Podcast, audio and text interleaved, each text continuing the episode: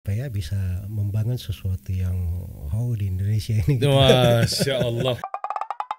Kita kasih solusi. Assalamualaikum warahmatullahi wabarakatuh Ustaz Waalaikumsalam warahmatullahi wabarakatuh. Alhamdulillah ini karena Allah nih biasanya Ana belajar sama Ustadz Zulkarnain Sunusi Hafidhullah Ta'ala teman-teman eh, Lewat Youtube biasanya Karena memang kan Ana Jakarta, Ustadz kan Makassar ya Ustadz ya Nah sekarang nih Allah pertemukan di depan langsung Bayangin teman-teman nih Masya Allah Ah, Nah ini eh, semoga Allah jaga antum selalu ya Ustadz ya Amin wa yakum. Nah Masya Allah Ini sehat Ustadz? Alhamdulillah. Alhamdulillah. Nah, oke, Afik Barakallah. Kali ini sebenarnya eh, Ana mewakili teman-teman yang memiliki keresahan nih, Ustaz. Anak-anak muda atau pengusaha-pengusaha, karena memang ini kan background Ana juga ya entrepreneur usaha gitu ya, Ustaz ya. Eh, kita ya bahas dari mengenai pondasinya dulu, Ustaz. Oke, anak-anak muda atau pengusaha ini bagaimana caranya eh, memiliki apa ya metode atau bermanhaj yang benar sehingga nantinya tuh Allah mudahkan Ya. dalam berdagang, berkonten di sosial media, berdigital itu seperti apa Ustaz? Fadol Ustaz. Ya, Masya Allah. Bismillahirrahmanirrahim. Alhamdulillahirabbil alamin. Wassalatu wassalamu ala al-mabawthi rahmatan lil alamin. Nabiyina Muhammad wa ala alihi wa sahbihi wa man tabi'ahum bi ihsanin ila yaumiddin amma ba'd. Ya tentunya itu menarik sekali untuk dikaji memang ya. Nah, iya. Ya sebab eh, hidup ini cuman sekali aja. bener. Jadi kalau bergulir pada hal yang tidak menguntungkan kita di depan Allah, Hmm. Ya kan berbahaya juga kan. Nah, ini Ustaz. Eh, Jadi cara berpikirnya itu Hmm. ketika akan masuk ke dalam usaha, yang pertama kita ingat dulu diri kita ini adalah sebagai hamba Allah Subhanahu wa taala. Ya. Kita diciptakan untuk beribadah kepada Allah Mm-mm. dan akan dipertanyakan tentang ibadah di hari kiamat. Hmm. Karena itu memang tujuan kita diciptakan wa ma khalaqtul jinna wal ins illa liya'budun. Tidaklah aku menciptakan jin dan manusia kecuali supaya Beribadah pada Allah. kalian beribadah kepadaku atau mereka beribadah kepadaku. Hmm.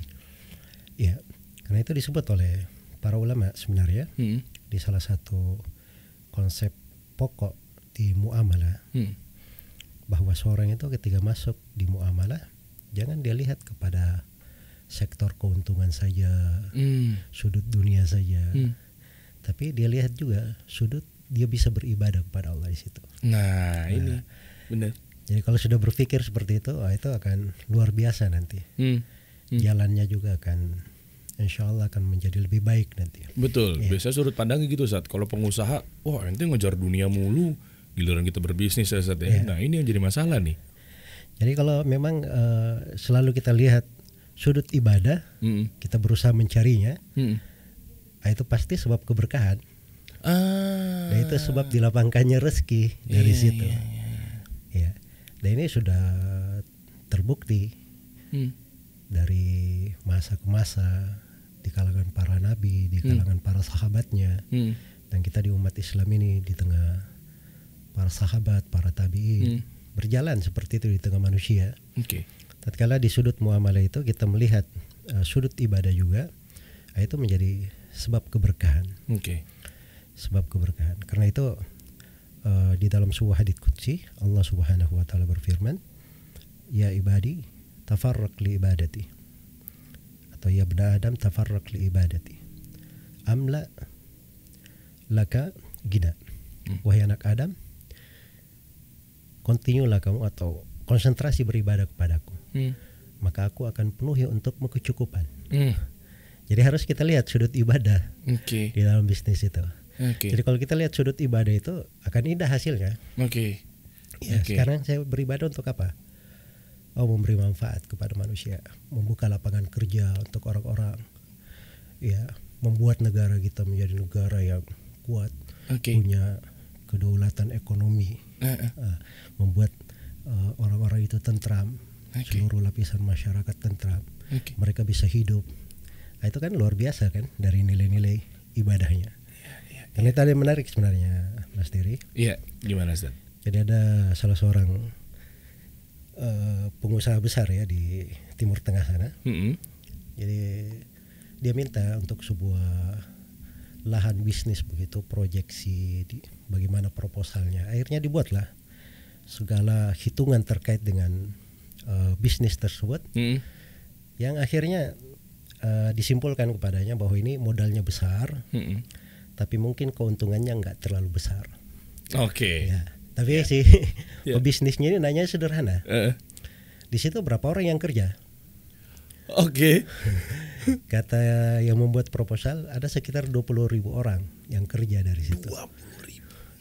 kata pebisnisnya subhanallah 20 ribu orang makan dari bisnis saya. Walaupun untungnya sedikit nggak apa-apa kata dia.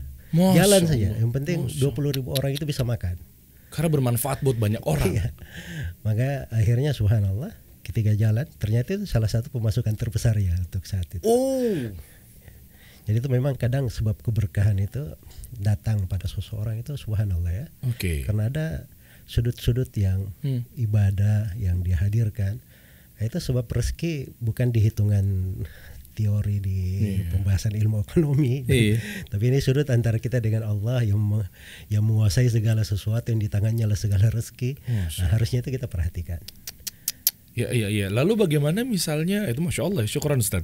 Lalu bagaimana misalnya ada satu perusahaan, oke? Itu kan tadi kan eh, setuju banget ya membuka lapangan pekerjaan. Berarti sama halnya dengan satu perusahaan eh, memperkerjakan misalnya konten kreator, Ustaz.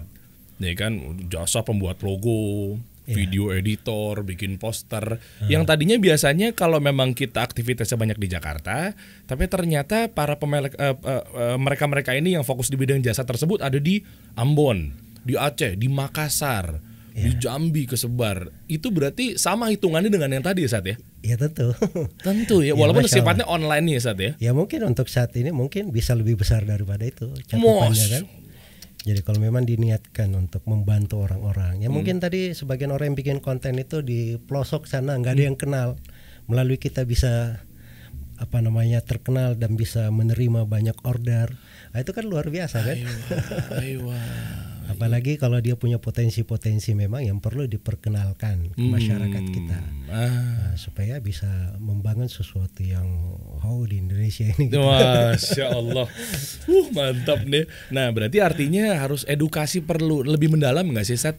Eh, para misalnya eh, kita mempekerjakan orang, sehingga eh, nggak cuma perusahaannya aja yang pemilik perusahaannya dengan belajar agama, akidah dan manhaj yang benar, juga yang nanti bekerja juga seperti itu ya Sat ya. Kita edukasinya itu kadang suka kayak eh, mereka punya desain bagus, mereka punya ini bagus, di- dipekerjakan. Tahunya ngasih tahunya, eh kita ada batasan syariat ini ini ini loh. Tapi mereka takutnya, aduh gimana ya? Nah itu gimana tuh saat mengedukasi mereka? ya memang itu eh, kadang perlu tahapan kali ya Mm-mm. kemudian juga mungkin cara masuknya dari arah mana Ah, menghubungkannya itu kayak bagaimana. Wah masya Allah. Nah, itu kan kita juga harus fleksibel kan melihat orang. Mm-mm. ada ya kayak dokter gitulah. Orang sakit kan ada sebagian obat sakit kepala itu tidak cocok untuk pasien itu karena dia ada hal-hal yang lain ya. Padahal obat sakit kepala tapi dia cocoknya obat sakit kepala jenis yang lain. Karena memang kondisinya pada saat itu dia kondisi tubuhnya cocoknya yang B tadi Oh, masya Allah, analoginya Ustadz luar biasa ya bener. Iya iya jadi iya. memang harus kita hadapi sesuai dengan kadarnya tapi secara umum Hmm. Eh, tadi saya sudah ingatkan ya sudut eh, kita melihat sudut ibadah di situ. Oke. Jadi kalau ada yang kerja bersama kita, nah itu jangan selalu kita pikir bahwa eh, dia ini memberi manfaat kepada kita, kita sudah gaji. Nah, Hmm. tapi kita sempurnakan, kita beri manfaat dalam bentuk kita penuhi gajinya, Mm-mm. kita beri manfaat juga dalam bentuk yang lain mungkin dia meningkatkan skillnya Oh. kemudian meningkatkan eh, potensi kerjanya Hmm, ya kita bantu pada hal-hal yang eh, menyebabkan dia sendiri mungkin eh, di masa mendatang bisa berkarya lebih luas lagi Bener. jadi dengan cara yang seperti itu sebenarnya itu itu lebih menguatkan dari sudut ekonomi dari sudut ikatan hati. Ya manusia itu lumrah ya seperti itu. Kita berbuat baik biasanya dia balas kebaikan juga. Ya, fitrahnya begitu ya Sat ya. seperti itu umumnya Oke, berarti berarti nanti juga kalau memang kita gotong royong sesama umat Islam bikin sesuatu gitu ya dalam artian eh, satu bikin ya tadi perusahaan kita saling bangun yang nantinya juga bisa nggak saat kira-kira untuk kita eh, dilirik oleh sebu- ya negara kita sendiri gitu ya bahwa nantinya bisa memperkuatkan ekonomi negara Indonesia gitu Ustaz. Ya, Eh, itu luar biasa memang. Kita kasih solusi.